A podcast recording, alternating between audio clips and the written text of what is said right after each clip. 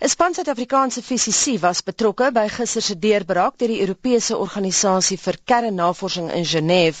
Professor Simon Connell van die Universiteit van Johannesburg is een van die span wat gehelp het om die Higgs boson, ook bekend as die godpartikel, te vind. Die deeltjie verklaar basies hoekom die heelal massa het. 'n Woordvoerder by CERN, Joe Incandela, het gister vanuit Genève gesê die uitslag is wetenskaplik gefundeer en akkuraat maar steeds nie 100% seker nie. Vir meer hieroor en hopelik in leeketaal, praat ons nou met professor Simon Connell. Goeiemôre professor. Môre Anita en môre luisteraars. Professor, um, ek kan maar Engels praat. Uh hoe was jy betrokke by die projek? Uh dankie Anita. I I have been part of a group which is really a South African group in in a program that the Department of Science and Technology have enabled. We call it the South Africa CERN program. It's around about 20 researchers and 20 students. And I'm part of the University of Johannesburg section. And we work in one of the very big experiments which has 3,000 scientists from around the world. And we have a group of around about eight people These are our students and staff and postdocs and visiting professors, etc. And and we are working and directly involved in this discovery. Ons het nou vir Joe en Candela by CERN aangehaal. Hy het gister vanuit Genève gepraat. Hy sê die uitslag is gefundeer, maar nie 100% seker nie. Hoe werk dit? So we work on that it's 100% really that we have made a discovery exact object that's been discovered, we're not 100% sure that that's the so-called Higgs boson. So we call it Higgs-like. And if I may explain, suppose you are playing poker with a friend and you think they have loaded the dice and weighted the dice to make the six come up more often for them. If you threw the dice once, you are not going to be sure that they loaded it you would have to throw the dice many times and then take the average amount of sixes. And if the sixes were coming up more often than one sixth of the time, only then would you know it's loaded. But you can see that the more often you roll the dice, the, the more sure you will become whether or not they've loaded the six. And it's the same with, with this discovery. And so we use the term 5 sigma. Once the statistical probability of a random fluctuation um, giving the same effect is less than um, that, that five sigma confidence, then we can say we are five sigma sure. So, so we take discovery to be five sigma, and and that's equivalent to getting a six eight times in a row in eight throws.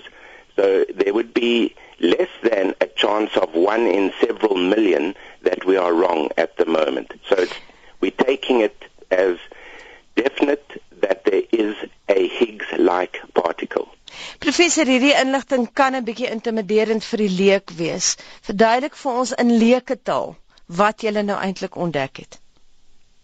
So we know that uh, the universe is ultimately composed of particles even to manifest a force, there are particles. So we have the photon, which is a particle of light that manifests the electric force. There's a particle called a gluon that manifests nuclear force. And then in the same model that would explain all of particle physics, there should be a Higgs boson, and that would endow all particles with mass. It means that mass is not fundamental. You may hope mass is something fundamental because you may want to feel that you are solid, but as it turns out, mass is not fundamental.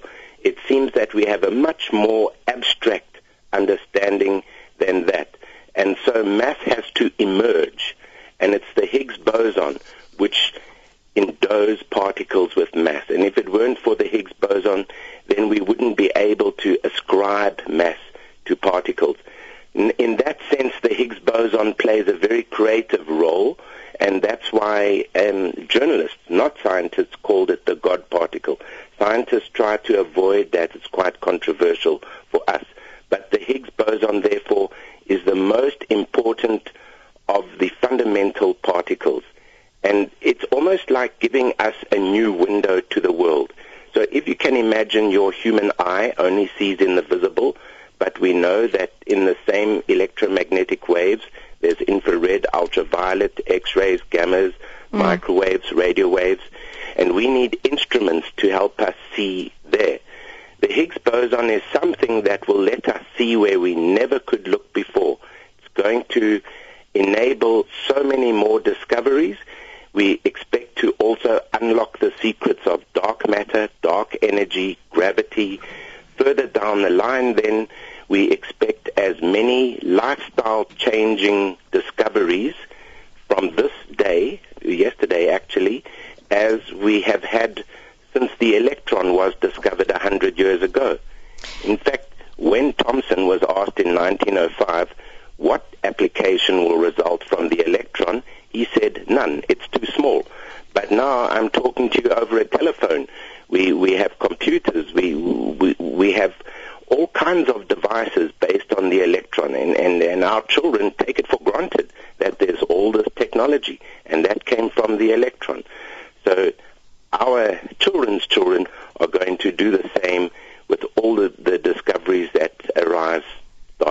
yesterday. Professor, jy sê nou ons kan nog uitvindings verwag. Gaan hierdie spesifieke projek verder gevoer word? Yes, it's going to get even hotter because the now that the Higgs-like boson is discovered, we can focus in on its properties and on its interactions. We expect at least 20 years of detailed intensive